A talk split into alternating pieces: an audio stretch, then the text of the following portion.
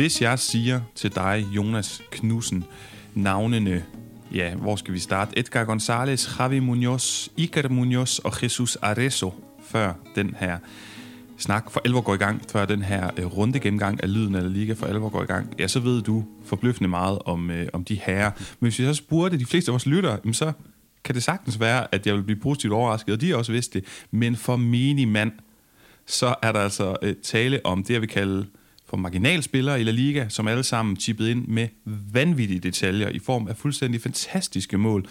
Og øh, ja, det gjorde Brais Mendes for øvrigt også, og han er måske lidt større profil end dem.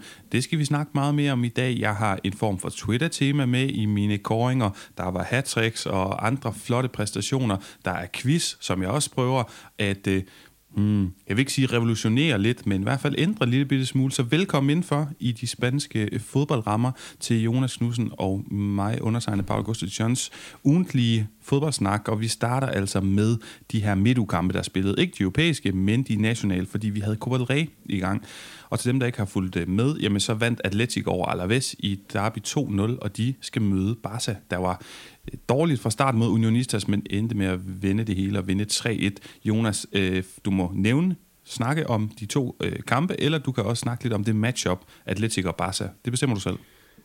Øh, jamen, Atletic Barca, det er jo det, det mest episke øh, matchup, man kan få i Copa del Rey. Det er øh, to hold, der har mødt hinanden i adskillige finaler og har øh, vundet turneringen flest gange, og det er, øh, det, det er bare sådan et... Øh, altså, det, det er nærmest lige før, at det er sådan øh, Copa del Rey's øh, svar på La Ligas El Clasico, hvis man må være lidt... Øh, lidt fræk. Øh, det er to hold, der, der går meget op i den her turnering, øh, elsker den øh, igennem deres historie, øh, og som sagt vundet den mange gange. Og så er det jo et Atletic Klub hold, som jo godt nok fik en lille en på Sinkadusen på, øh, på Mestalla her i weekenden, men som kommer i, øh, i den bedste form i årvis øh, mod et FC Barcelona-hold, der stadigvæk øh, stiller, stiller mange spørgsmål øh, til sig selv og, øh, og til omverdenen. Så øh, ja, det er, det er jo det er åbenlyst den, øh, den mest interessante kvartfinalopgør.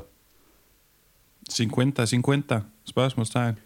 Ja, eftersom øh, det, det stadig lykkeligvis er de her øh, en, øh, altså det bliver afgjort, øh, afgjort over en kamp i, øh, i kvartfinalen også, og øh, det er øh, udtrykket til at blive spillet på San Mamés, så synes jeg 50-50 er et meget godt bud på, øh,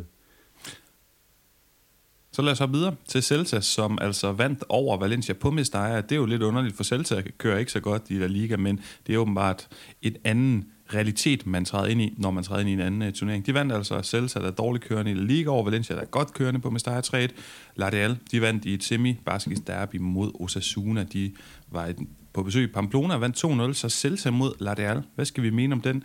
Uh, noget mere Brais Mendes tema? Ja, det, er jo, det bliver åbenlyst et tema op til den kamp nu, når han øh, både scorede og også ramte stolpen på sin gamle hjemmebane i, øh, i ligakampen her lørdags. Men øh, jeg, jeg tænker en ting, når jeg, når jeg følger Celtas øh, færden lige nu, det er Centenario. Altså, der er et eller andet med, at øh, når, når spanske klubber de fejrer, fejrer 100 års jubilæum, så kan de få lidt vinger, øh, vinger og gå på Valencia Valencia tog øh, deres øh, lidt sensationelle Copa del Rey-titel, hvor de vandt over Barcelona øh, i, i finalen i 2020 øh, i deres øh, centenario-år, og øh, det ser altså det ser spændende ud for Celta, fordi de er øh, på trods af, at de ligger, hvor de gør i La Liga-tabellen, synes jeg, i, i, de, de bliver bedre og bedre, øh, øh bedre spillende, øh, og øh, hjemmekamp i en kvartfinale, der afgøres over en kamp igen, det er altså bare en, øh, en luksusposition at kunne spille sig i en semifinale med. Og, øh, og det er altså Sociedad, Sociedad er jo ikke bare et, et hold, der lige for tiden vinder alle deres kampe. Så øh, når, når nu de tabte til dem i lørdags, øh, så kunne de da sagtens tænke sig at, at trække det længste strå i næste kamp. Det var også en kamp, øh, en tæt kamp med, med chancer til begge hold, hvor Celta sagtens kunne have fået point. Så, så det bliver, det bliver rigtig tæt opgør, jeg, tror, jeg, jeg har sådan lidt tiltro til den der øh, Centenario urkraft, der ligger i, øh, i, øh, i sådan en hjemmebane i sådan et år.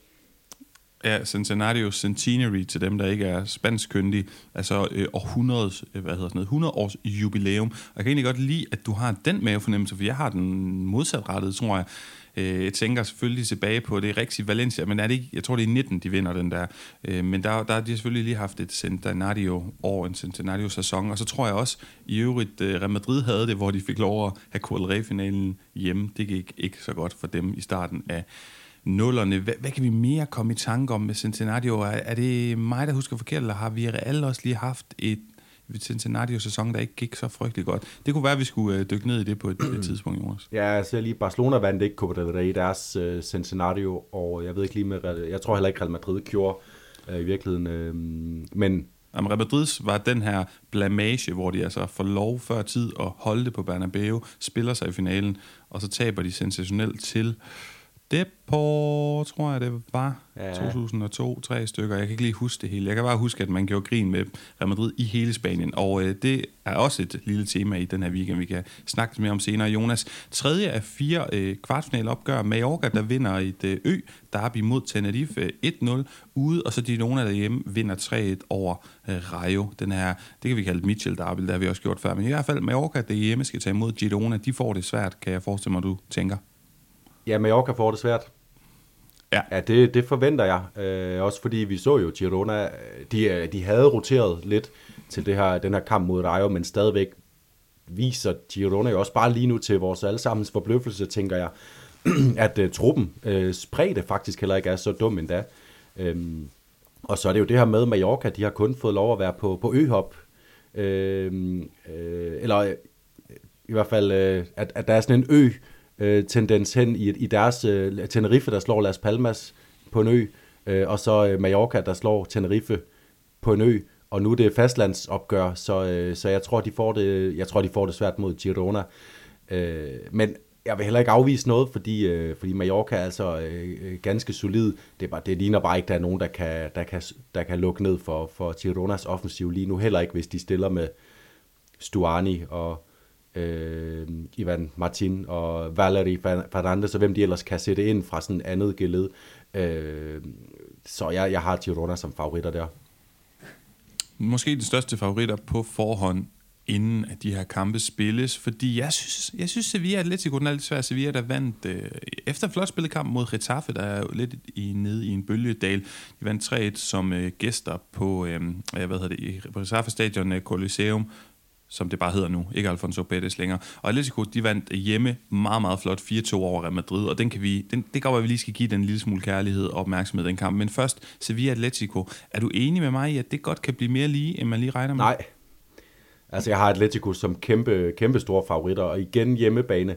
Det er ikke, det er ikke fordi, jeg sådan passé øh, afviser, øh, eller sådan, øh, har en, en, en glæde ved at overvurdere hjemmebanefordelen, men lige præcis Atletico har jo den her sæson vist, at de, øh, at de er, er meget stærkere på hjemmebane end på udebane. Det fik Real Madrid jo så også at føle i, i den her øh, 8. finale.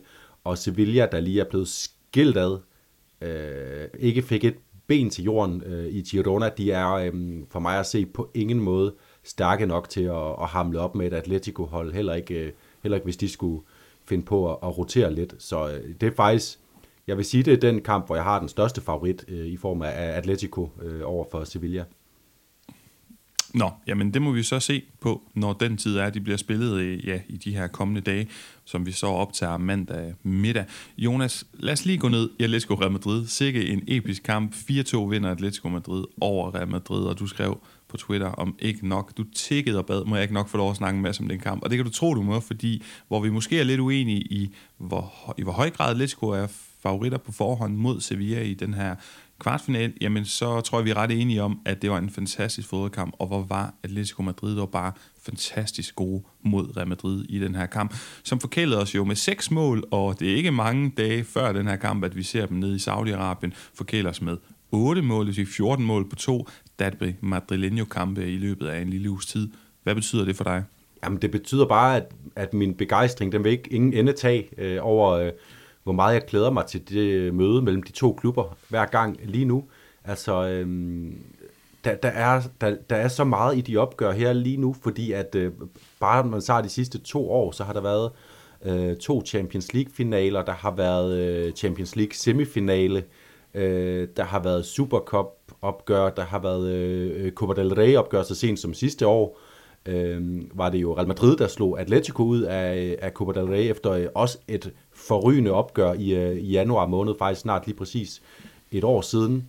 Øhm, og, og de her kampe bliver bare ved med at give, og udover at det er øh, øh to af de bedste hold i La Liga selvfølgelig, og i, øh, i Europa, så er det øh, så har den her kamp en sådan helt for mig ubegribelig nerve lige fra, fra start til slut. Altså de her spil, man kan bare se, at det her er et ærkefjende opgør. Også på, øh, på spillere, som lige er kommet til.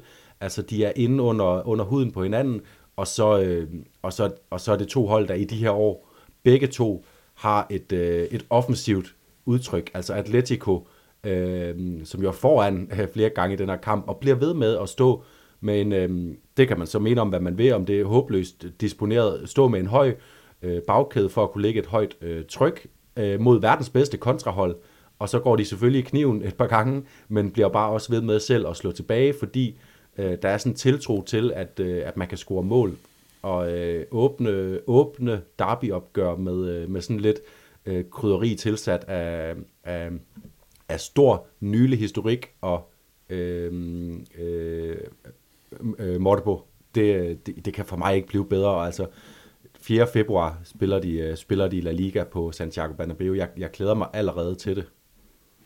Men det er jo også noget nyt noget for sådan en lyn hurtig overflyvning med jetfly over den her, det her opgør, så har Real Madrid jo altid været storebror, Atletico Madrid været lillebror, vi husker det her, jeg kan ikke huske ordlyden, så jeg parafraserer, men der stod sådan et banner lige inden uh, Diego Simeone kom til for et af de her derbys, hvor der stod Se busca Rivaldinho, eller sådan et eller andet, der, der vi, vi, altså, hvor Real Madrid-fans holdt banner op og står, vi leder efter en, en hvad hedder sådan noget, er værdig, det hedder det ikke, en, en værdig, en værdig modstander. Ja, præcis. En værdig modstander, en værdig rival, fordi de, de, de nakkede Atletico Madrid hver eneste gang, de kunne. Så kommer Simeone til, og så vokser de fra en lillebror, øh, i hvert fald en upagtet lillebror, til sådan en rigtig stor en, som virkelig kan slå fra sig. Og det har jo været fantastisk for historien i de her derbys. Jeg vil så dog sige, at jeg har været til Derby Martino et par gange, to eller tre gange, og det har, altså det har været sådan lidt kedeligt. Ikke, ikke kampene er, er, du kan mærke, de er fantastisk vigtige for begge mandskaber, og der bliver virkelig gået til stålet, og stemning og opbygning til de her kampe har virkelig, virkelig vokset efter Simeone er kommet til Atletico Madrid.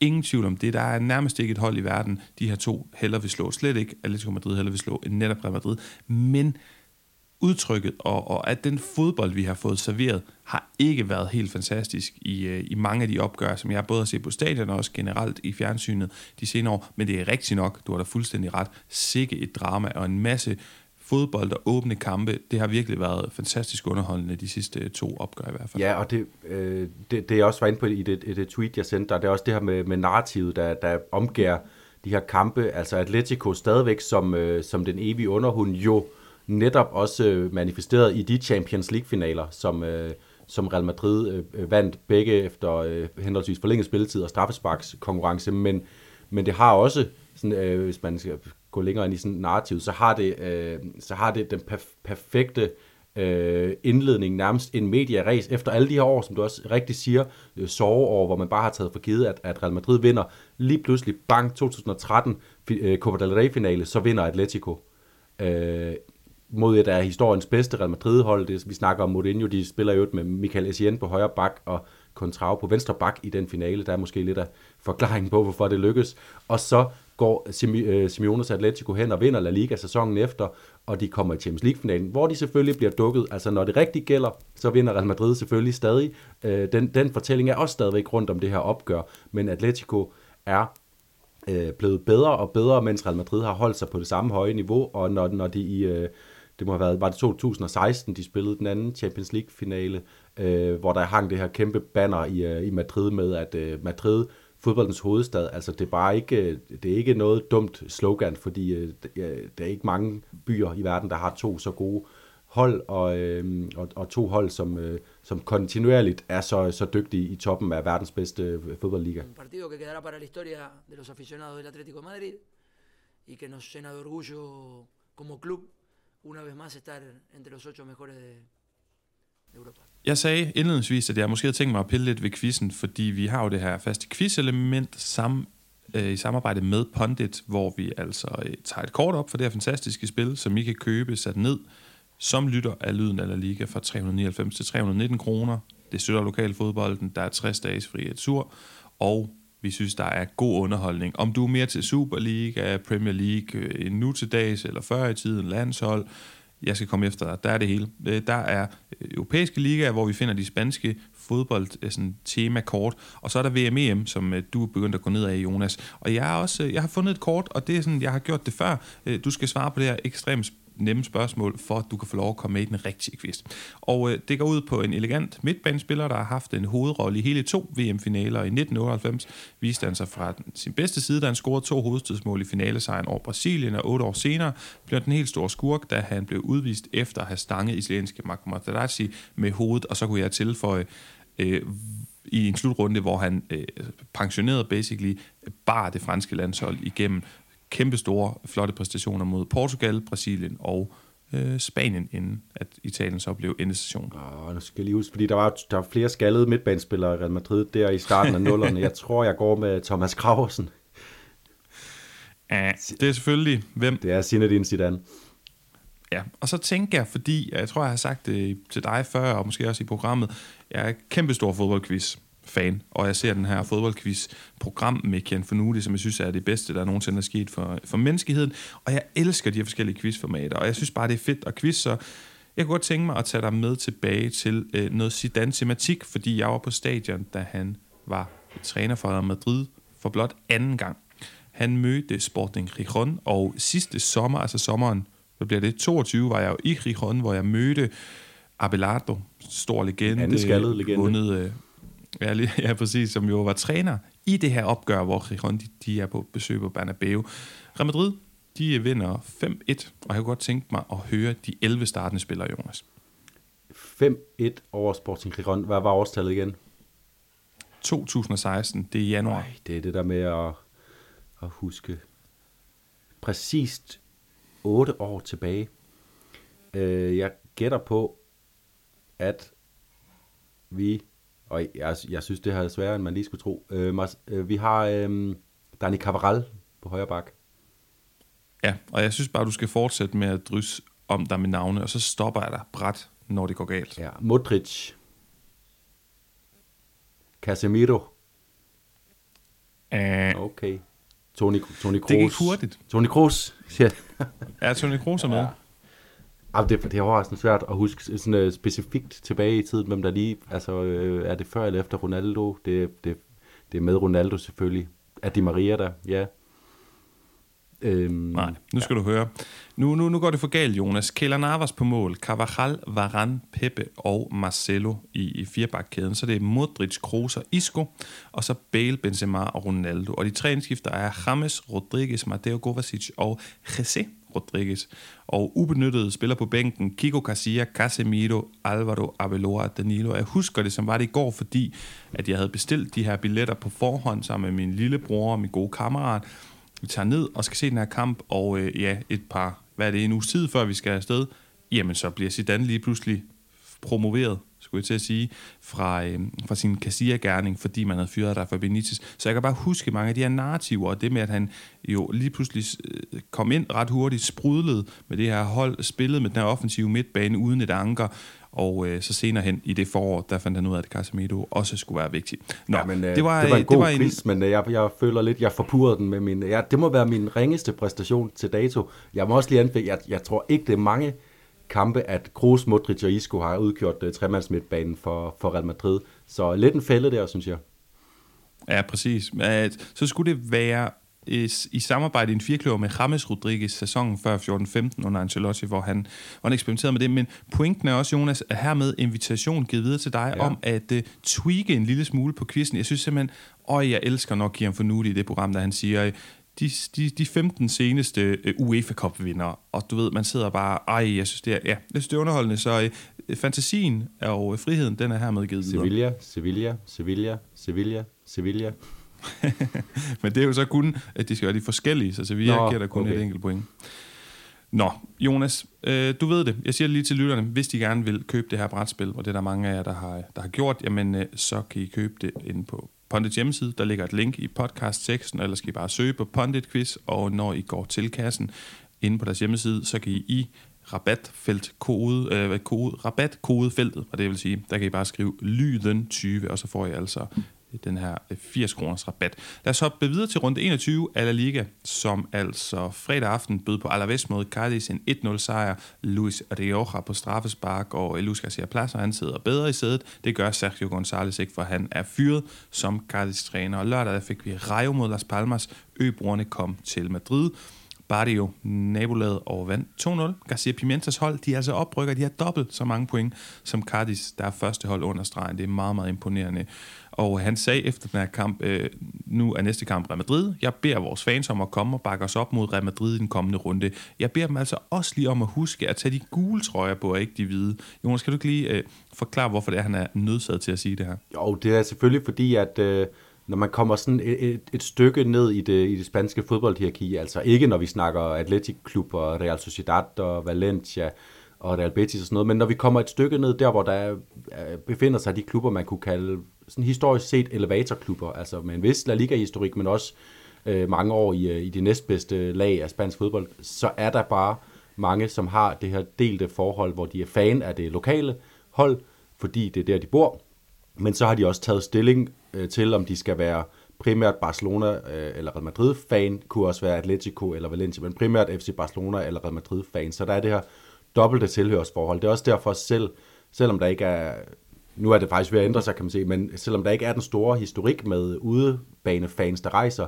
så vil der altid være Barcelona og Real Madrid-trøjer blandt hjemmepublikum, når man øh, ser de her øh, kameraet panorere hen over øh, øh, øh, tribunerne efter scoringer til, til, øh, til FC Barcelona og Real Madrid, når de scorer på udebane, så står der altid øh, forskellige steder på tribunen, kan man se dem, der, der står lidt ensomt og, og jubler.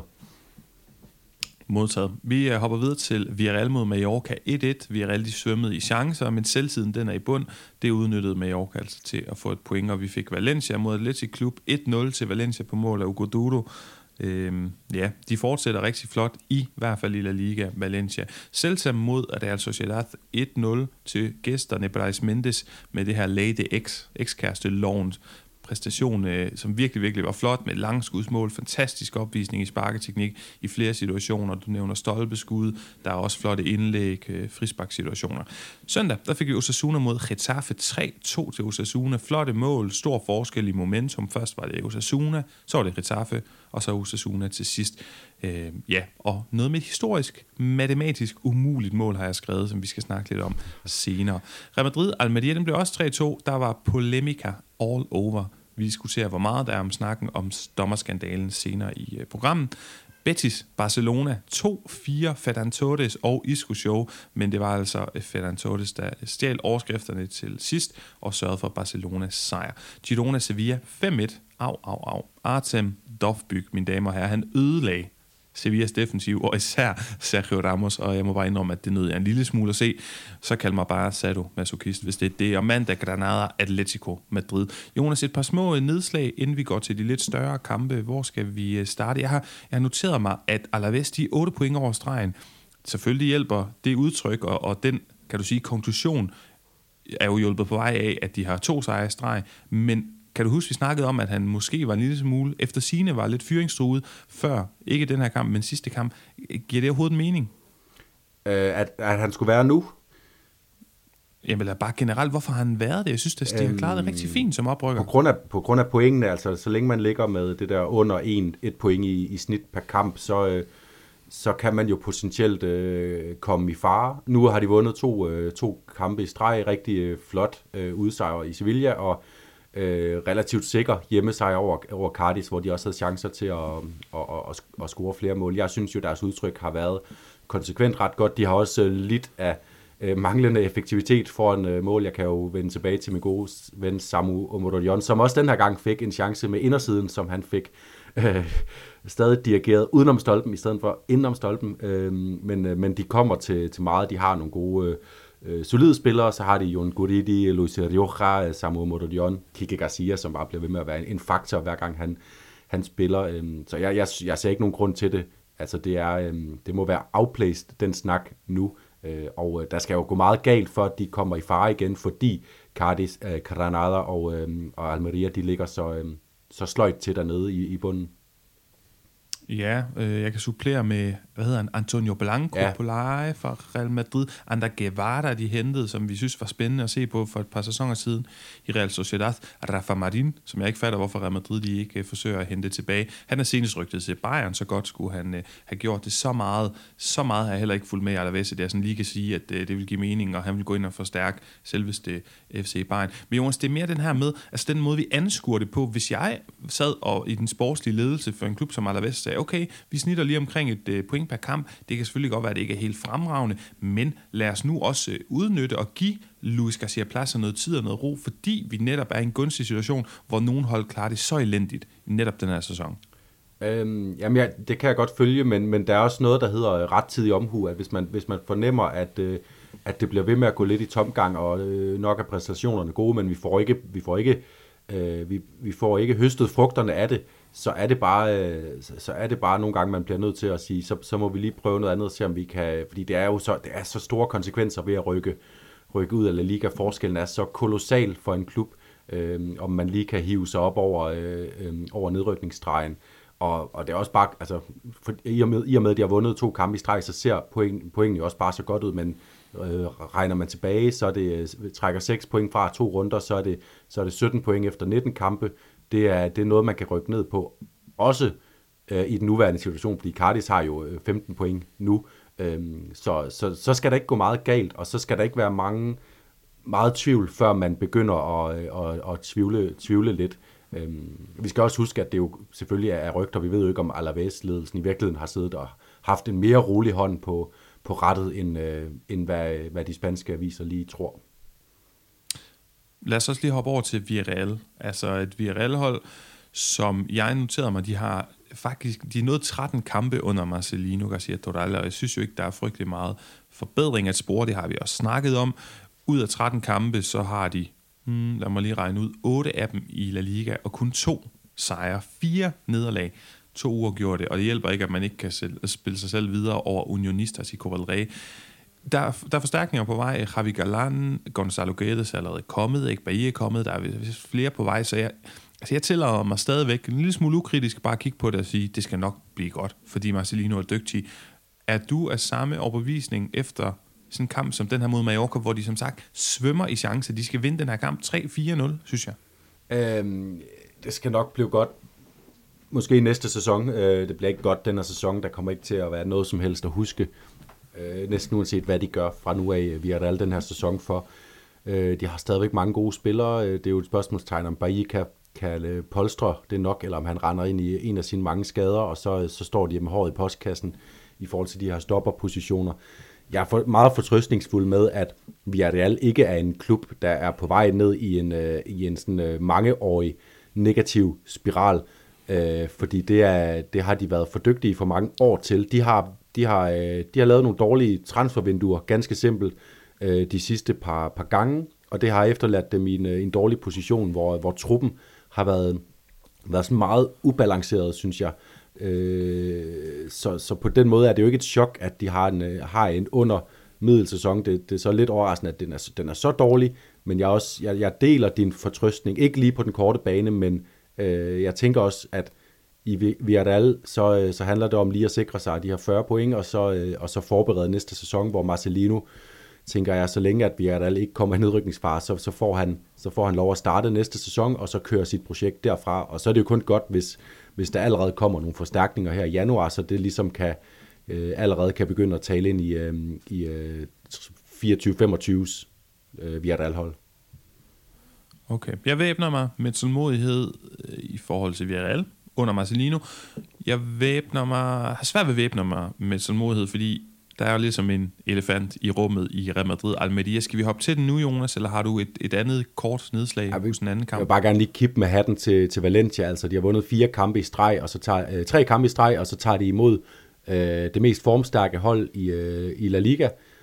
Og så vinder de øh, efter en øh, god velspillet kamp, ikke noget med, at det er sådan øh, øh tilfældig 1-0 sejr. Altså, de, øh, de, øh, de gør det, der skal til øh, i en fantastisk øh, matchup mellem to, øh, to gode La Liga-hold lige nu, og ligger nummer syv nu, Valencia. Altså, det er, det er der, hvor der bare lige skal gå det rigt, den rigtige vej i Copa del Rey, så er det en, øh, en tur ud i, i, i Conference League. Det vil være det vil være mirakuløst. Vi snakkede også om den sidste uge, så jeg skal nok, øh, nok holde det til, til det her i den her omgang, men altså kæmpe kip med hatten til, til fire sejre i træk til, øh, til de unge Valencia-drenge. Ja, Jamen, det var nemlig også det, jeg tænkte. Vi havde dem op og vende sidste gang, jeg vil gerne bruge taletiden lidt anderledes i dag. Og så kommer jeg forbi det, jeg vil kalde en vaskeægte masterclass fra Dimitri Fouquier lidt senere i programmet. Men Jonas, øh, lad os hoppe til Real Madrid Almeria, og der er nemlig kommet post. Jeg læser op. Hej Paolo og Jonas. Som donator har jeg et emne, jeg gerne vil have taget op efter den Real Madrid Almeria kamp, jeg netop har set. Selv før denne kamp, hvor VAR ender med at ændre tre domme, som jeg synes gennemsnitligt er rimelig 50-50, har jeg haft en klar følelse af, at de store, to store, oftere oplever at drage fordel af var, for ikke at tale om 11 minutters tillægstid. Jeg synes jo som sådan ikke, at der er tale om dommerfejl i dagens kamp, men var skal trods alt kunne ændre på oprindelige domme ved åbenlyse fejl. Jeg ved dog ikke, om det bare er mig, der er farvet mine bolsestribede øjne. Er I stødt på noget statistik om, hvilke hold, der får mest hjælp i anførselstegn var, vil jeg meget gerne høre om det. Tak for en lækker podcast. Venlig hilsen, Steffen. Skal du starte, eller skal jeg lægge for... Øh, jeg er ikke lige stødt på, på den statistik, andet end der var på et tidspunkt, jeg så, at øh, Real Betis er det hold, der er blevet øh, øh, forfordelt mest af, af altså hårdest ramt af, at bare har omstødt øh, positive ting til negative ting for dem, og, og øhm, øh, det, det er sådan lige det, jeg ved. Øh, hvis man skal tage fornemmelsen, som vores, øh, vores kære lytter og donator har, så deler jeg den øh, 100%. Der er en, øh, en, en lang historie i La Liga for, for øh, at, at den her fornemmelse lurer under overfladen af, at Real Madrid og FC Barcelona har lidt lettere ved at komme til tingene. Og jeg synes, at den øh, række af kendelser var, var involveret i, i Real Madrid Almeria, den, den, den kan bare ikke undgå at bringe øh, spekulationerne op i mig. Er det nemmere Øh, ikke at, at der er nogen, der sidder bevidst og har en agenda med, at nu skal vi huske lige om, hvis der er en mulighed i dag, så lige at få øh, sat et kæppe i hjulet på, øh, på Almeria og hjælpe Real Madrid, så de kan stå og strække, øh, strække armene i vejret op mod himlen, som et barn, der har fået lov at vinde i Ludo af deres forældre, efter, efter når, når, når dommeren flotter af. Men at det er bare nemmere at, at vælge til Real Madrids fordel, når man står som dommer. Øhm, og det er jo stadigvæk dommeren, der står inde på Santiago Bernabeu, der, der træffer beslutningerne, var og viser ham bare nogle billeder. Øh, og den fornemmelse, den kan, jeg, den, den kan jeg ikke lægge frem mig, især når man ser sådan en række af omstændigheder her. Jeg er fuldstændig enig, Jonas. Og jeg vil starte med at sige, jeg er lidt træt af, at vi skal snakke om det og Selvfølgelig skal vi det, men jeg er træt af det, fordi det bringer det værste frem i mange mennesker. Det siger ikke, det gør jeg Steffen. Jeg synes, at hans spørgsmål er, er reelt og sobert øh, formuleret, men hvor ser jeg bare mange vanvittige ting.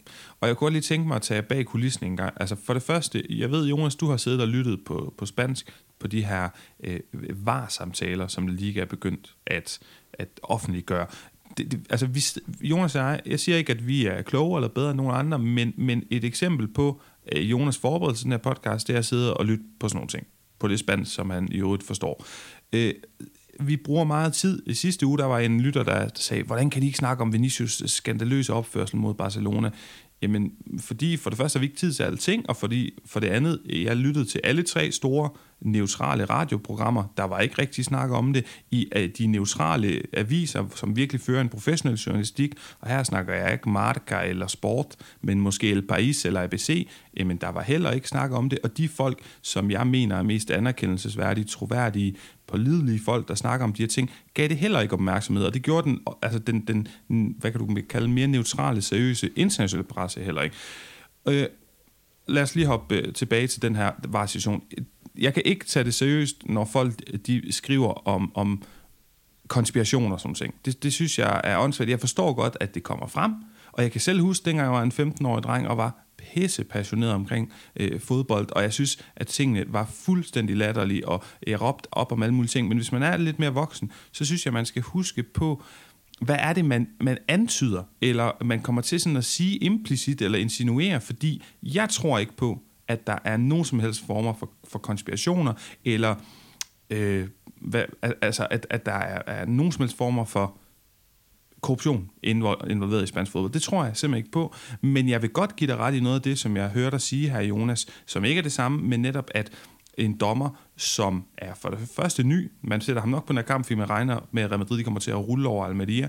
Øh, en dommer, som ved, hvor kæmpestort pres der er, både for Bernabeu, som man nok kan, er svært at ignorere og abstrahere fra, men også i pressen, i øh, den skrevne presse, i, i radioerne, i tv, så bliver der jo bagt op til nogle af ting i i en meget, meget højere grad, grad end hvis det, det var Almeria mod Cardis, hvor der måske er tre skrevne journalister til stede, og ikke noget international dækning osv., osv., hvis du forstår, hvad jeg mener. Men, men han skal jo helst ikke blive farvet af de her ting. Og tingene skal jo dømmes med lige, øh, hvad hedder sådan noget, koldt vand i blodet, om det er første minut eller sidste minut, om det er en Champions League-finale, eller om det er en tilfældig kamp uden noget på spil. Og det synes jeg ikke, han gør her. Uh, hvis, hvis lige må først, jeg, jeg er ikke helt lige så skråsikker i, når, øh, altså jeg tør ikke helt lige så skråsikkert sige, at der ikke findes konspirationer og, og korruption i spansk fodbold, også fordi vi har lige nu øh, den her Caso Negreira, der kører med, med FC Barcelona, der har haft øh, et eller andet forbindelse ind i noget dommer, dommerkomité, øh, at det ikke er, øh, jeg, jeg, jeg, det, det er måske mere sådan historisk, at jeg ikke er, er sikker på det lige nu. Jeg tror ikke, der findes en konspiration, der, der arbejder aktivt for, at Real Madrid og FC Barcelona skal vinde deres, deres kampe. Lad mig, lad mig slå det fast. Øhm, I forhold til, til reaktionsmønstre, så, så er det jo faktisk heller ikke unikt for Spanien. Altså herhjemme i Danmark har vi også øh, den her, og så tager vi til parken, så får vi ingenting, når man skal spille over spil mod FCK. Det ved jeg som, som OB-fan. Det er noget, der er mange, der øh, øh, har meget hurtigt til at trække, øh, trække pistolerne, når der bliver dømt øh, noget til FCK's fordel i parken. Og præcis den samme dynamik er på spil. Så når der sker noget på Santiago Bernabeu, som der kan stilles tvivl ved, ved så vil en en øh, underdog som Almeria altid reagere ekstra hysterisk. Det er også det, vi ser med Garditano. Altså det ender med, at han er, han er helt ude af sit gode skin. Det kan jeg godt forstå, fordi alene bare øh, fornemmelsen af at opleve overrulet så mange gange, uanset hvor retfærdigt det så er, at den er forfærdelig, når man står dernede og er ved at lave et stort resultat. Men det er jo allerede ved det første, at han begynder at lave de her armbevægelser, som, ej, det, det er nok det her slut, fordi han er foruddisponeret for at have den, øh, den indstilling til, når dommeren han agerer på Santiago Bernabeu. Så, så det kører ligesom op i sådan en spiral, hvor øh, ja, der sker nogle ting her, som er underlige. Øh, det kan vi måske vende tilbage til, baseret på, hvad jeg lige har, har hørt fra, fra VAR-dommene. Men der er også ekstra fokus på netop øh, Real Madrid og FC Barcelonas, øh, de domme, der bliver leveret mod og for dem øh, i, i fodboldkampe. Så derfor bliver de... Øh, øh så bliver det kørt op i en spids meget, meget, meget hurtigt, altså fra 0 til 100 på 10 sekunder. Ja, altså også for at svare lidt mere direkte til det, Steffen efterspørger, øh, der er syv opgør i La Ligas historie, hvor VAR har været inde og ændre dommerens oprindelige afgørelse tre gange.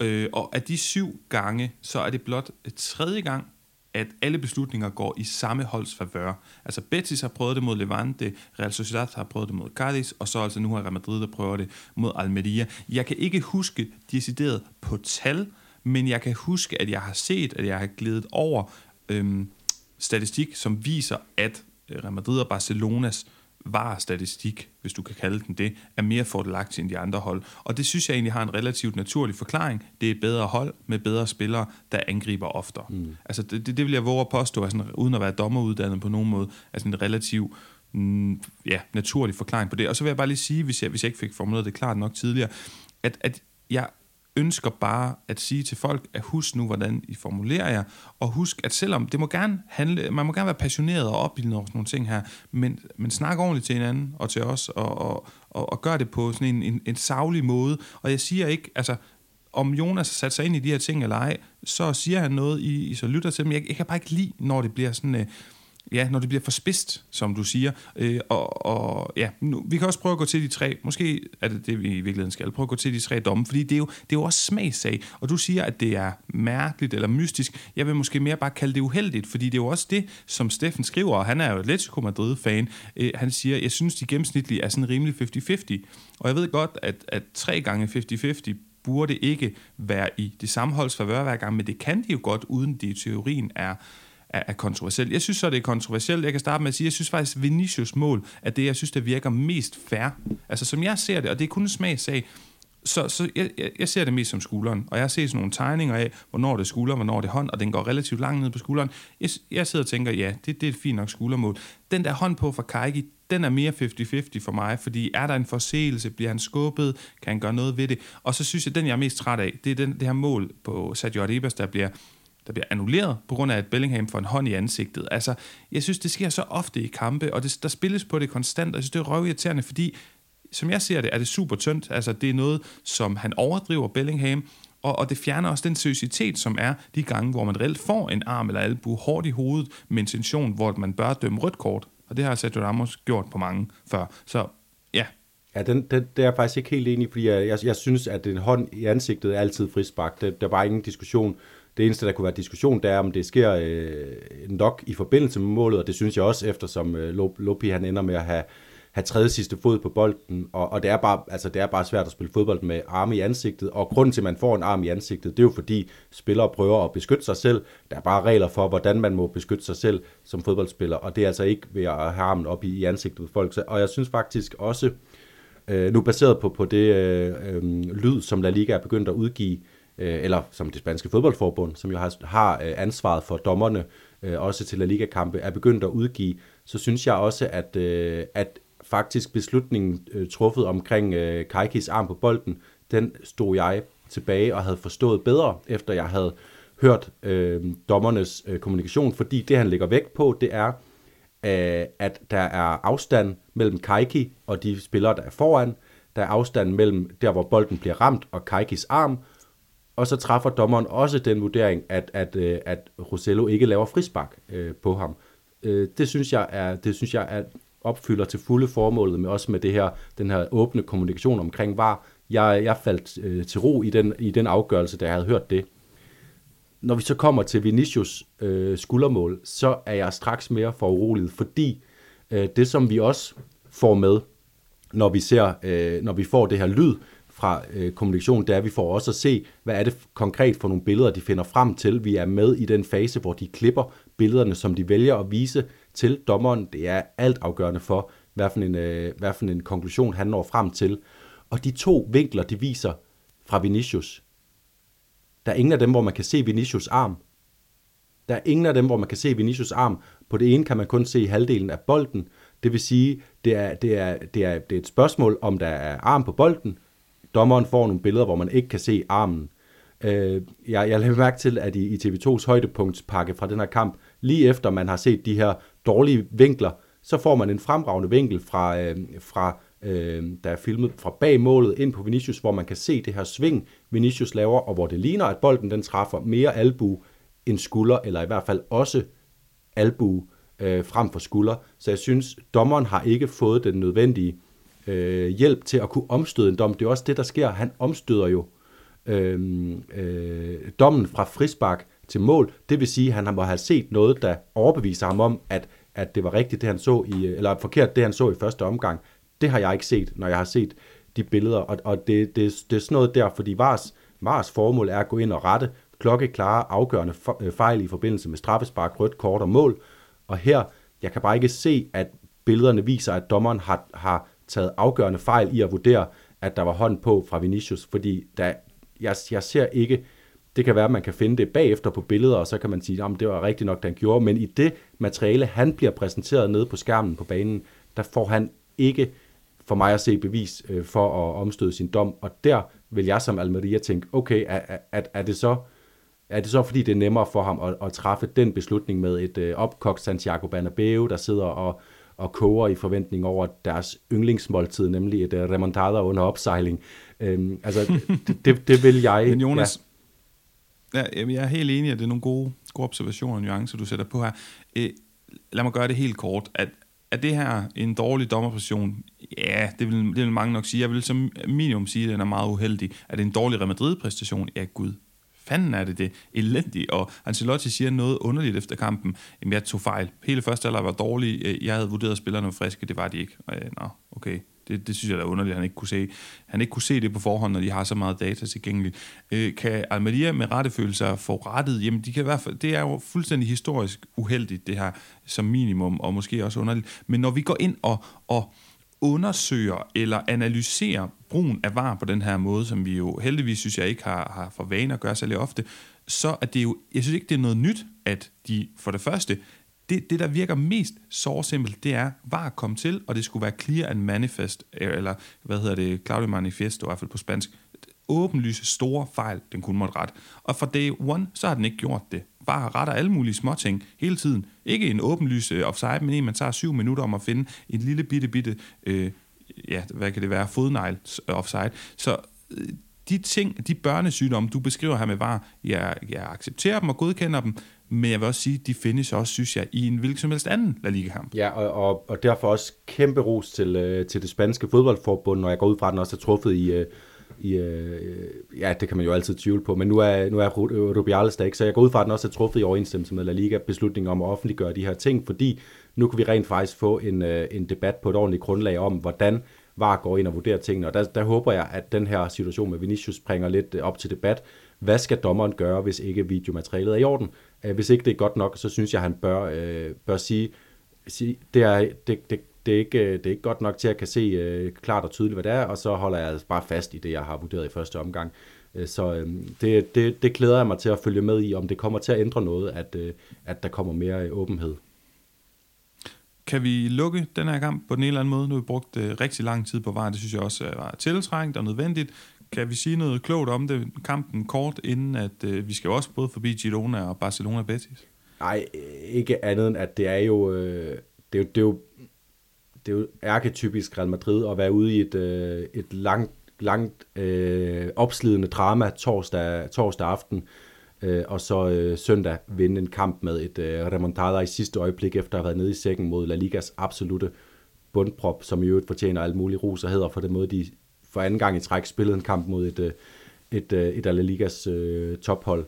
Øh, så det er, det er Real Madrid, og det er grunden til, at de er, er også stadig er, er store favoritter til at vinde øh, La Liga. Det er fordi, de vinder netop den her slags kampe. Ja, og, og simpelthen så synd for Almeria. De har drillet Barcelona, Atletico Madrid, Girona, ikke høstet stor frugt. De kom foran 3-0 mod Granada, den anden 3 sag. De kom foran 2-0 mod Almeria tidligere i sæsonen. Ikke den, de lige har spillet, men i de første kampe i sæsonen. Og lukker derefter, øh, ja, er det fem mål ind i den kamp. Så, øh, men de har selvfølgelig også problemer med at kunne, at kunne lukke af bag til, når først øh, de kommer foran. Jonas, Betis, Barcelona, Morten Brun han var sikker på, at da den stod 2-0 til Barcelona, så var der ikke øh, nogen vej tilbage. Men det var der, fordi Isco bød på disco. Ferran Torres var rigtig god. hat elektrisk øh, foran. Joao Felix kommer ind og får lavet et rigtig lækkert mål. Hvad, det, det er også en underlig kamp, fordi Betis er jo ikke det der, øh, ja, Kike Sitjenhold skulle til at kalde dem, eller som vi også har set senere med Manuel Pellegrini i de senere sæsoner, hvor de virkelig kan byde altså, de har ikke en god statistik mod, mod, øh, mod topholdene, men de kan i hvert fald godt byde dem op til dans, og der vi får en masse flotte mål og underholdende fodbold. Det er de jo ikke så meget været den her sæson, men alligevel synes jeg godt, vi kan tillade os at kalde det her en, en dejlig underholdende kamp. Det kan vi, og det kan vi på grund af nogle, øh, nogle enkeltstående øh, præstationer fra, øh, fra Real Betis, og der snakker jeg primært om øh, først og fremmest øh, Luis Enrique, men i centrum er det hele selvfølgelig Isco, som... Øh, og, og begge to kendetegnede ved, at de var elektriske, dynamiske, de bevægede sig over store områder. Banen kørte ondt på FC Barcelonas defensiv øh, med deres øh, individuelle aktioner, og var hele tiden øh, aktive i at prøve at, at såre det her jo urutinerede FC Barcelona midterforsvar, må man sige, med Kubarsi inden og, og Liga debuterer på sin 17-års fødselsdag. Øhm, så derfor var Real Betis en fare. Sådan strukturelt set i spillet, så var FC Barcelona jo i, i det var også det, der var så underligt i den her kamp, at de var i, i princippet i kontrol i store dele af kampen, men de dele, hvor de ikke var, var så kaotiske, at det kom til at fremstå som en, øh, en, en mere kaotisk kamp, end det burde have gjort for FC Barcelona, og det, øh, det, er jo, det er jo stadig et af de problemer, FC Barcelona har under, under Xavi, at de ikke kan til fulde kontrollere øh, kampe med det, med det udtryk, øh, de gerne vil. Øh, blandt andet kan man igen stille spørgsmålstegn ved, om, om den her position, sekserpositionen, var godt nok, polstret, øh, i hvert fald defensivt set, fordi at det er jo der Isco og Luis Enrique, de, de boldrede sig og gjorde den på, på FC Barcelonas forsvar ved at komme ind i det, ind i det mellemrum her. Så altså en, en virkelig underholdende kamp, men hvor jeg jo også synes, man kan sige, at FC Barcelona fuldt fortjent vinder, fordi at de var øh, som hold, var de, øh, var de bedre end, øh, end Real Betis øh, i, i sådan rimelig klar øh, stil øh, på aftenen. Øhm, jeg læste et tweet fra den her øh, Mr. Chip Alexis her, som er, er statistikkongen i Spanien, hvor han skriver, jeg, jeg skal lige prøve at se, om jeg kan simultan oversætte hold, der har stillet op med to spillere under 17 år, som i startopstillingen i den samme kamp i hele ligas historie. Osasuna har prøvet det med Frank og Eladio i mod Atletico Madrid i 84, og det var en speciel spillerunde, fordi at der var, øh, hvad hedder nu, Welker, der var... Spillerstrække. Øh, Ja tak, spillerstrække. Og Barcelona mod Betis, altså den her weekendskamp, Kubasi og Jamal. Øh, fantastisk, og de var jo begge gode især. Øh, Jamal er jo også bare, øh, spiller rigtig, rigtig godt. Kan han løfte det her Barcelona-hold lige her nu? Ja, i sådan perioder af kampe, men han er selvfølgelig ikke Altså han er jo ikke deroppe, hvor han er kampafgørende hver eneste kamp, og, og man virkelig kan regne med ham. Jeg synes, øh, der er flere perspektiver i Ferdinand Torres præstation, men så har jeg lyst til at spørge, det kan godt være, at det er sådan en lille smule øh, sensationelt, altså, eller hvad hedder sådan noget, jeg kan pleje at kalde det sensationslysten, og, og kigge på det her, men det faktum, at Barcelona kommer komfortabelt foran og lukker Betis ind i kampen, er det et problem, de har, eller er det bare Isco, der er magisk på dagen? Øh, lidt begge dele, altså vi, vi der er jo ikke stor tiltro til FC Barcelona-defensiven lige for, lige for tiden, nærmest uanset hvem de spiller mod. Øh, Araujo laver en forfærdelig øh, clearing, øh, der kun er overgået af Nachos to øh, prøller i, i, øh, i, i Real Madrids kamp mod Almeria, den her spillerunde. Øh, da Isco laver det her magiske øh, halvflugtermål. Øh, kun det har nogle mærkelige aktioner. Andreas Christensen har øh, haft nogle kampe, hvor han har set mærkelig ud. Jeg synes nærmest, Kubarsi er den, øh, den, den 17-årige fødselar her, var den, der så sådan mest øh, stabil ud i Barcelonas defensiv, hvilket også øh, for, mig, for mig at se bygger ovenpå de bekymringer, der er. Øh, også altså, vi blev ved med at snakke om, Araujo, han er en af verdens bedste forsvarsspillere, men jeg synes ikke, jeg synes ikke man ser det så ofte for tiden. Så det er et problem, FC Barcelona har, men øh, der er ingen, der kan gardere sig helt og holde mod, øh, mod så gode mål, som de var dem, at Real Betis scorede. Med undtagelse selvfølgelig af, at Araujo skulle have clearet den bold, der ender for fødderne af Isco bedre. Men, øhm, men det vil kunne ske, når, når modstanderen har så gode spillere som Real Betis, at de, at de, at de finder to magiske hug frem. Øh, det sker bare ofte for FC Barcelona, synes jeg tør vi at sige, at Ferdinand Torres er tilbage? Og tør du at hoppe med på den? Altså, det er jo det er sådan et tog, der kører meget langsomt. Det er ikke noget Arve, det er ikke noget lyntog lige nu, men det der tog, jeg prøver at øh, få op i omdrejninger, som har som overskrift, at øh, turen går til fætteren Tålesland, og at, at han altså bør være selvskrevet i det her hold. Jeg synes, Joao Felix rigtig flot mål. Han kan nogle ting i, i perioder, men jeg tror ikke på, at han får det forløst for alvor. Jeg kommer til at tænke på, at det, jeg synes, han minder om, det er Brahim Diaz. Altså sådan i rolle. Han kan gå ind og gøre nogle ting, men han kommer ikke til at blive starter for et Barcelona-hold, der skal være blandt de 5-10 bedste hold i, i Europa. Sådan ser jeg ikke, det ser jeg ikke tegningerne til. I Lamal har jeg lige har jeg lige redegjort for. Altså, jeg synes, det er Ferdinand Torres, som man virkelig bør arbejde på som projekt. Også fordi Lewandowski, han ser ud, som han gør, og han er oppe i årene. Jamen, det, det er jeg helt på linje med dig. Jeg tør ikke, jeg tør ikke kaste mig ombord på sådan et, øh, et, et tog, der siger, at nu, øh, nu kommer Ferdinand Torres til at, og, øh, og score kontinuerligt, lave, lave kontinuerligt gode præstationer fra nu af, og så, øh, øh og så fremover i, i de næste 10 år eller sådan noget.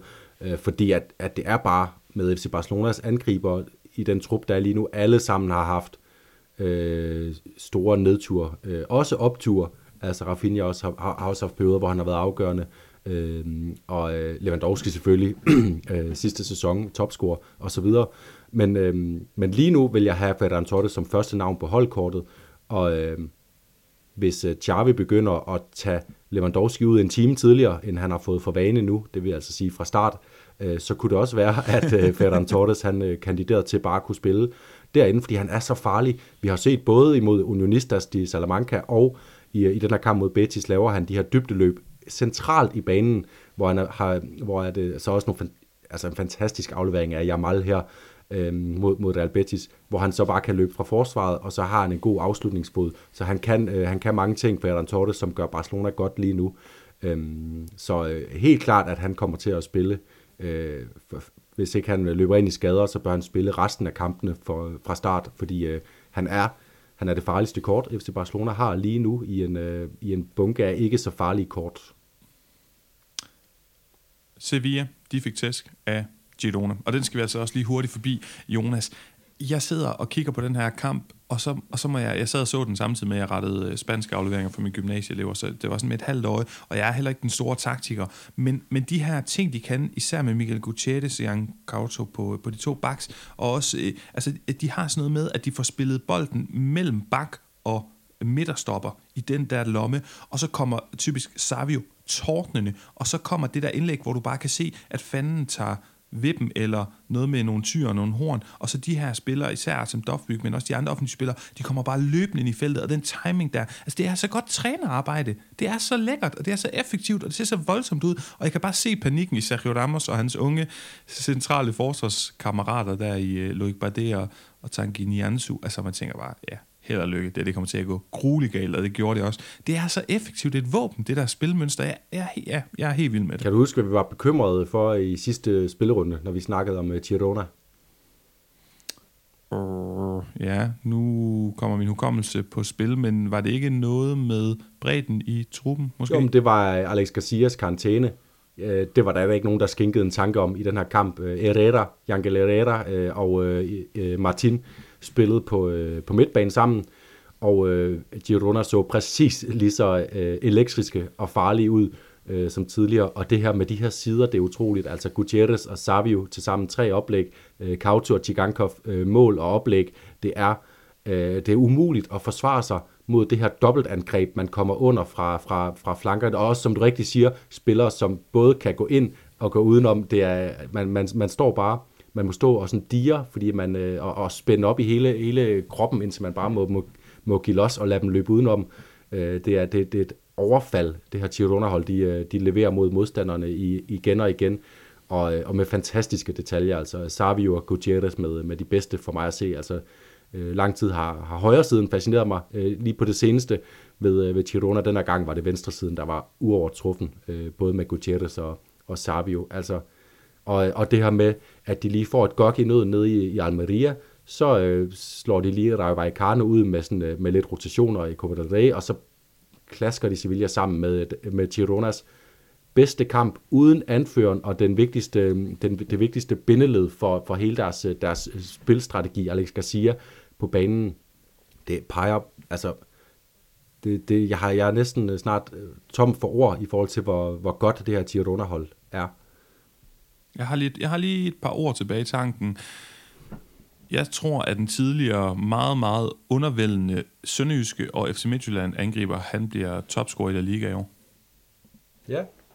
Øh, nu har jeg faktisk ikke engang lige set, øh, set, set stillingen der. Hvor, hvor, hvor godt ligger han lige nu?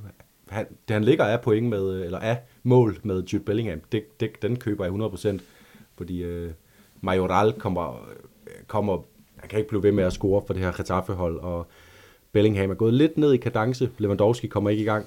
Så skal det være Ferran Torres, Griezmann. Nej, jeg køber den. Dogbyg bliver topscorer i La Liga. Sindssygt.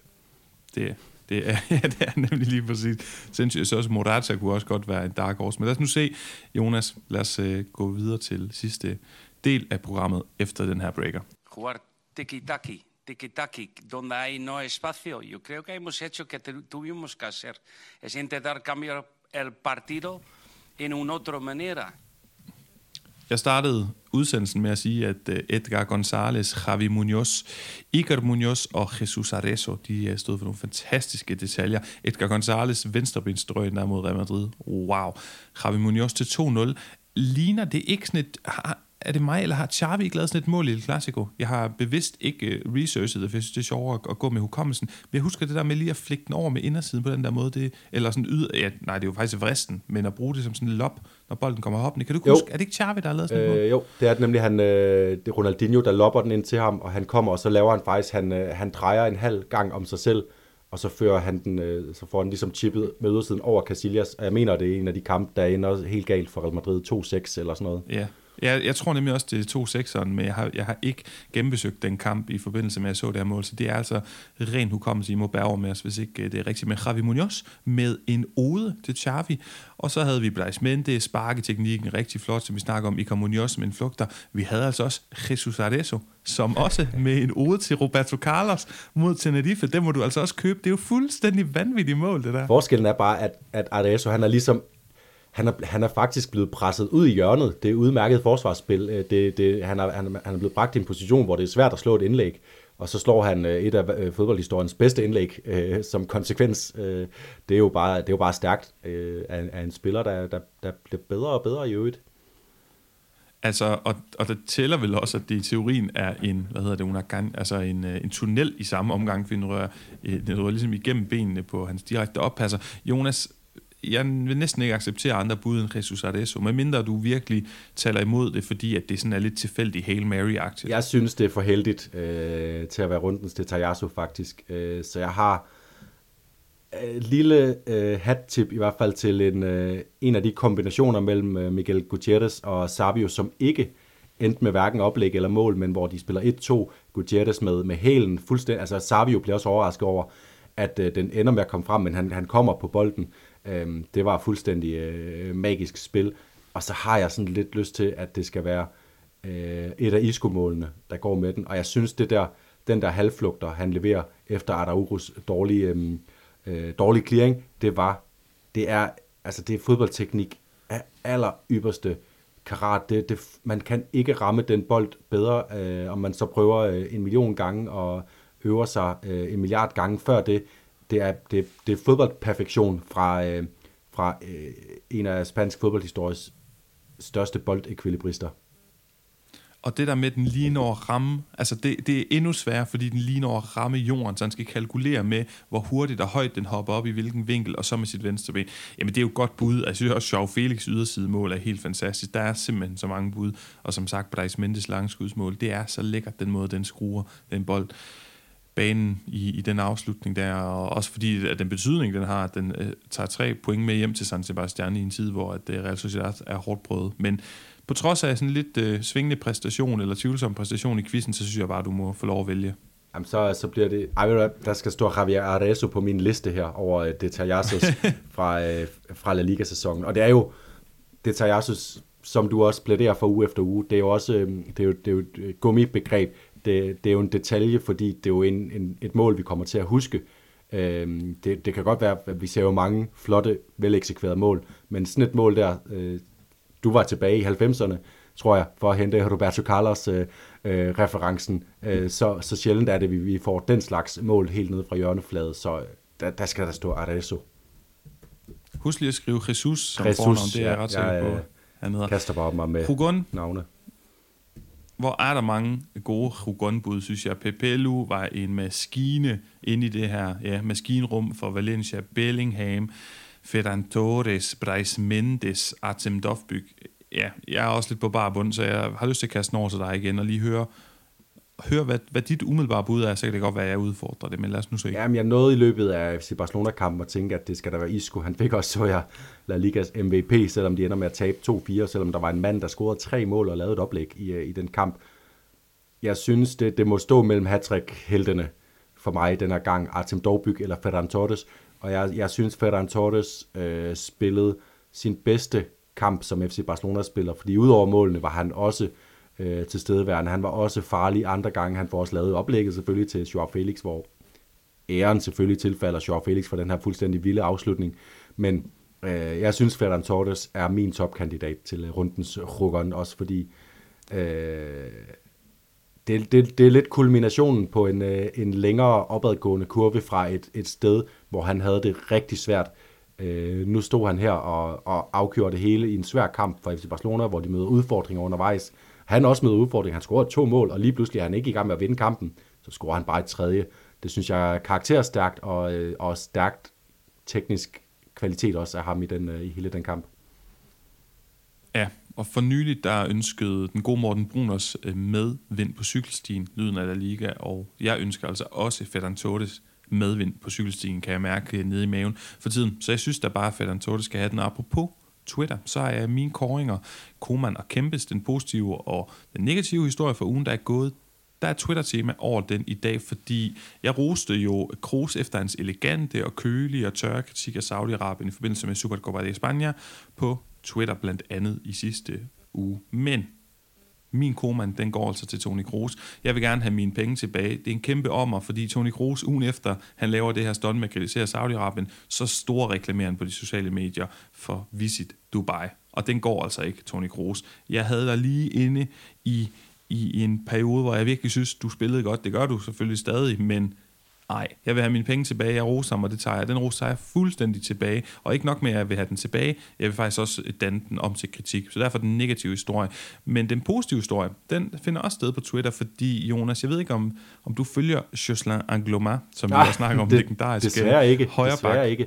for, øh, for Valencia, men han deler et fuldstændig useriøst og fantastisk opslag på Twitter, hvor en tilfældig bruger sammenligner Dimitri Fouquiers præstation, hvor han jo altså pakker Nico Williams ned i den her runde Valencia mod Atletic Klub.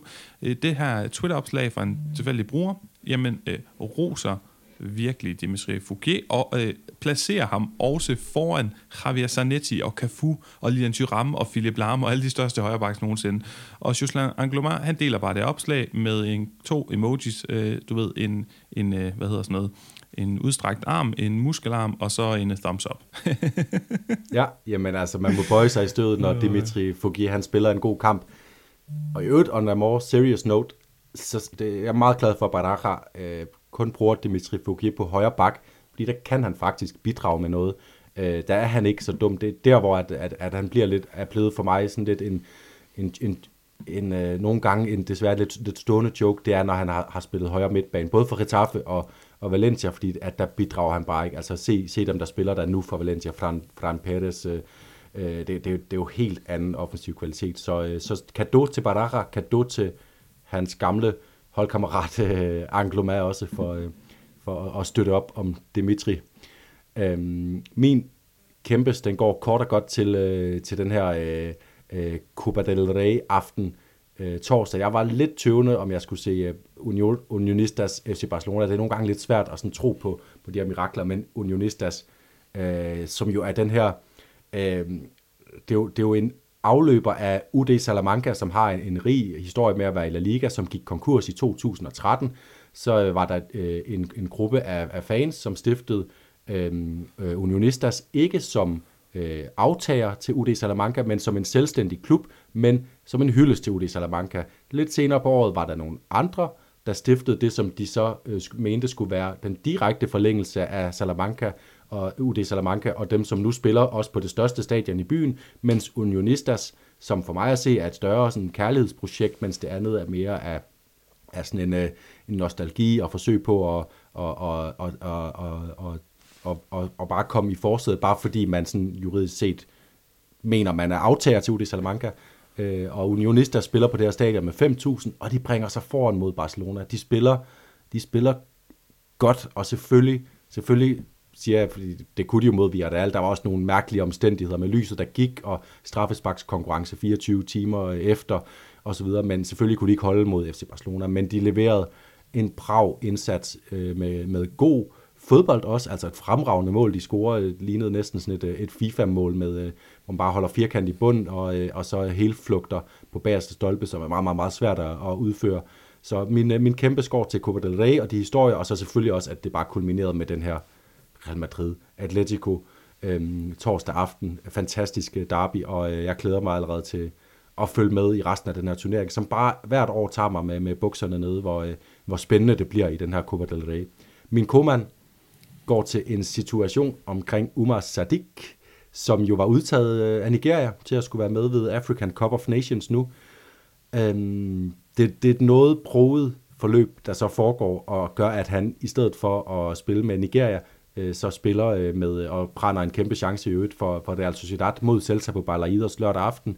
Men det er, det er Nigerias øhm, øh, lægestab, der vurderer, at han har en form for skade, og øh, det melder de så til Celta, så, der så siger, jamen hvis han har en skade, så synes vi, han skal, eller til, til Real Sociedad selvfølgelig, øh, hvis han har en skade, så synes vi, han skal komme hjem. Da han så kommer hjem, så, øh, så er han ikke skadet. Så er han klar til kamp. Altså, vi er, vi er i den spæde start af AFCON. Nigeria er et hold, der sikkert kan gå langt. Deres træner, han er dybt ked af at mangle Umar Sadik, fordi øh, han er selvfølgelig er Osimhen øh, foran ham øh, i køen om spilletid, men Umar Sadik er da et aktiv for et hold i, i sådan en, i sådan en slutrunde, og det er bare, øh, det, det, det er virkelig mærkeligt. Og det er sådan, øh, øh, det, det bidrager til den her... Øh, jeg, jeg ved ikke, om Real Sociedad er skyldig i noget. Det kan også være inkompetent øh, lægestab for Nigeria, der har truffet en dårlig beslutning, og så har der været dårlig kommunikation mellem parterne. Men det bidrager til den der fortælling om vesteuropæiske fodboldhold, som bare egentlig helst gerne så, at den der African Cup of Nations slet ikke fandt sted, fordi de vil hellere vil have deres spillere hjemme. Øh, så, så det går til hele det, ja, min, min kone går til hele den, øh, den situation. Hørt. Og jeg får at vide af mine øh, gymnasieelever i, i dag, der siger man slay. Så øh, slay, Jonas, det er, det er godt brød, det der. Lad os hoppe videre til forudsigelser frem mod kommende runde, og jeg vil bare minde om, at jeg jo har en i banken, du skal holde øje med i aften, men øh, jeg får også point på kontoen, og jeg, har, jeg kan faktisk helt ærligt ikke huske, hvad du bød på i, i den her runde. Eller også, jeg lyttede til det sent i går aftes, så jeg er ret sikker på, at der var i hvert fald en af dine ting, der ikke gik hjem. Hvordan? Jamen, der var ingen af mine ting, der gik igennem, Paolo. Øh, jeg havde gættet på, at Celta de skulle vinde hjemme over Real Sociedad. Det gjorde de ikke. Jeg havde gættet på, at Real Betis de skulle vinde over Barcelona. Der var lige nogle minutter, hvor det lignede, det var på vej til at ske, men, øh, men så satte Ferran Torres og Joao Felix skabet på plads. Så jeg står fast på 11 point. Du havde 14, og så gættede du på, at Alaves skulle vinde, og Sergio ville fyres. Øh, og det bliver altså nødt til at give to point for, Paolo. Det kan ikke være anderledes. Øh, du, øh, du, du nailer den spot on, og så kan du, hvis øh, Atletico sætter Granada til vægs i aften, øh, mandag, vi optager her mandag omkring middagstid, hvis øh, de sætter dem til vægs decideret, det er min, øh, op til mig at vurdere, om de gør det, øh, så får du et ekstra point. Men altså, du er på 16 point mod min 11, så det, øh, det kører for dig, og derfor så vil jeg også gerne først høre, hvad du byder ind med til, til runde 22, fordi det er tydeligvis der, at øh, vores, øh, vores podcast troværdighed, den, øh, den hviler bedst. Ved du hvad?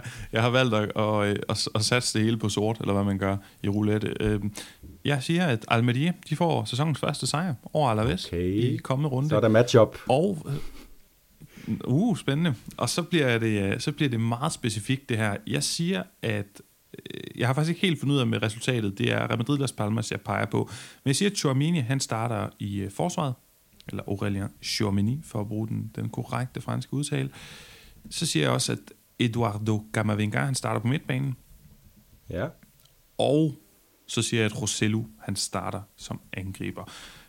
Det er jo sådan tre specifikke ting. Er det nok til at point på højkant, eller skal jeg også øh, byde på et resultat? Ja, med den der række af, øh, af, af, af, af gæt, så er det nok til et point. Også fordi, man skal huske, at nu får Real Madrid jo øh, en ufrivillig pause, eftersom de røg ud af, af Copa del Rey, som man går ud fra, de her spillere, som var, Ancelotti siger, de var ikke så friske, som man troede. De, øh, de kommer måske friske tilbage, så jeg synes, det, det, øh, det er en tilpas våget påstand til, at, øh, at den, giver, den giver point, hvis det, hvis det går hjem. Og der, der skal det jo siges, at det især det her Aurelien Chomini som forsvarsspiller, han, jeg synes ikke, han har været så god de sidste par kampe, og han virker, der er også lidt øh, palaver omkring noget på Twitter og nogle ting, han er kommet til at like, og han vil helst ikke spille midterforsvar, men Nacho var bare så dårlig mod Almeria, og de kan ikke blive ved, Nacho og og Rydiger, hvor længe har de spillet sammen efterhånden? I hvor mange kampe i streg? 90 minutter, hvis ikke 120 osv. Jeg tror, Aurelien Chomini, han er nede at finde i forsvaret, og det er jo nok den, som er sådan lidt våget, og så altså også, men det vil jo betyde, at Eduardo Camavinga, som efterhånden fortjener en startplads, han skal ind på, øh, ind i den her midtbane øh, konstellation, som jeg glæder mig til. Og så altså Roselu, fordi jeg mener bare, det var også affødt lidt af det, vi så mod Almeria, udover alle de her varekendelser, at Roselu som som sådan et fixeringspunkt, et referencepunkt i angrebet, det gør, jeg synes jeg, Real Madrid bedre. Så det tror jeg også, at, øh, at han har set den går Ancelotti. Men lad os høre, hvad du har kigget på, Jonas. Jeg, jeg tolker faktisk lidt uh, Ancelottis, det at han vælger at sige, som han gjorde, som et, et direkte forsvar af, af Nacho, uh, fordi, som du siger, der er blevet trukket store veksler på de to. De spillede en lang kamp, uh, hårdt spillet kamp, uh, intens kamp mod Atletico for, for ja, fire dage inden, tre-fire dage inden, inden den her kamp, så altså, jeg tror også, han er tilbage i kridthuset. Men øh, så meget desto mere spændende bliver det at følge med, om du får, får ret. Jeg er i præcis de samme kampe, det skal lige siges, vi har ikke koordineret det her, men jeg tror, Alaves vinder i Almeria, fordi jeg tror, jeg tror simpelthen, det, det, var, øh, det var luften, der gik ud af Almerias øh, ballon, øh, som lige var ved at blive pustet lidt op med, med en god kamp mod Girona, en god kamp på Banabeo. Garitano bliver udvist, det bliver assistenten på bænken. Jeg, jeg tror, de falder tilbage nu. Det var det her, det var, det var også derfor, han reagerer så kraftigt. Jeg tror, det var det her, der kunne have startet Almeria igen. Det gjorde det ikke, så de taber. De taber hjemme mod øh, Deportivo Alaves i næste spillerunde. Og så tror jeg, at øh, uanset hvem der starter inden for Real Madrid, så tror jeg, at Las Palmas de får point mod, øh, mod Real Madrid. Altså, øh, Real Madrid er i forvejen ikke øh, det af topholdene, der skaber flest chancer. Las Palmas er et af de hold, der er bedst til at, øh, at holde modstanderne væk fra, fra chancer. Plus det her, øh, jeg, jeg tror, den her høje bagkæde, som, øh, som de i modsætning til Atletico Madrid har øh, øh, fuld balance i, at øh, den, bliver, den, bliver, øh, den bliver spændende for Real Madrid at skulle, skulle spille over for. Så jeg tror, at øh, det for det første bliver en utrolig spændende, sådan taktisk set, fodboldkamp mellem to forskellige måder at spille på, som, øh, som står øh, på en eller anden måde godt til hinanden. Så tror jeg, at Las Palmas de får noget, noget gevinst for deres, deres modige spillestil mod, mod Real Madrid på en, øh, en hjemmebane, hvor de, øh, hvor de er svære at have med at gøre med Las Palmas hvor ville det være øh, fantastisk. De vandt jo også, var det en fredagskamp 1-0 mod Atletico Madrid hjemme på øh, Gran Canaria tidligere på, på sæsonen. Så virkelig spændende at følge med i. Men der er jo nok at følge med i så efter, efter dagens podcast. Jo, vi skal også holde øje med, om der er flere Madrid-trøjer end, end Las Palmas-trøjer på stadion. Og, ja, og, og, hvor lugter det, den her Almeria eller Vest lige pludselig bare er en uafgjort? Og hvor lugter det, at Real Madrid måske smider point, men uden nødvendigvis, at de her tre ting går i opfyldelse med, hvem der starter på, øh, inden for Real Madrid. Men der er i hvert fald nok at følge med i, og vi glæder os rigtig meget til Copa del Rey i midtugen. Vi glæder os endnu mere til La Liga i weekenden, og ja, aller, aller højst står på prioritering selvfølgelig, og snakke meget mere spansk fodbold øh, nu på mandag, Jonas, så det regner jeg da med, at vi skal øh, gøre. Og øh, til den tid, jamen så kommer vi til at diskutere en masse andre ting, som vi selv finder relevant. Og hvis du har et bud, kan jeg lytte på, hvad vi skal snakke om, jamen så gå ind på vores øh, link, der også står i podcast, podcastbeskrivelsen, hedder det, tier øh, vores side, hvor du kan blive donator og frivilligt støtte med et valgfrit beløb. Jeg tror, vi snakker helt ned til 5 kroner per episode, så typisk 20-25 kroner om måneden for at øh, få lov til at komme med indspark og altså på den måde kunne præge sendefladen med lige, hvad du har lyst til, vi skal snakke om. Det gjorde Steffen Skinbjerg, Atletico Madrid-fan, og jeg synes, det var rigtig fint, at han indledte den her snak med sit spørgsmål. Så tak til ham, tak til alle sammen for at lytte med, og øh, vi lyttes med igen på mandag. Ciao.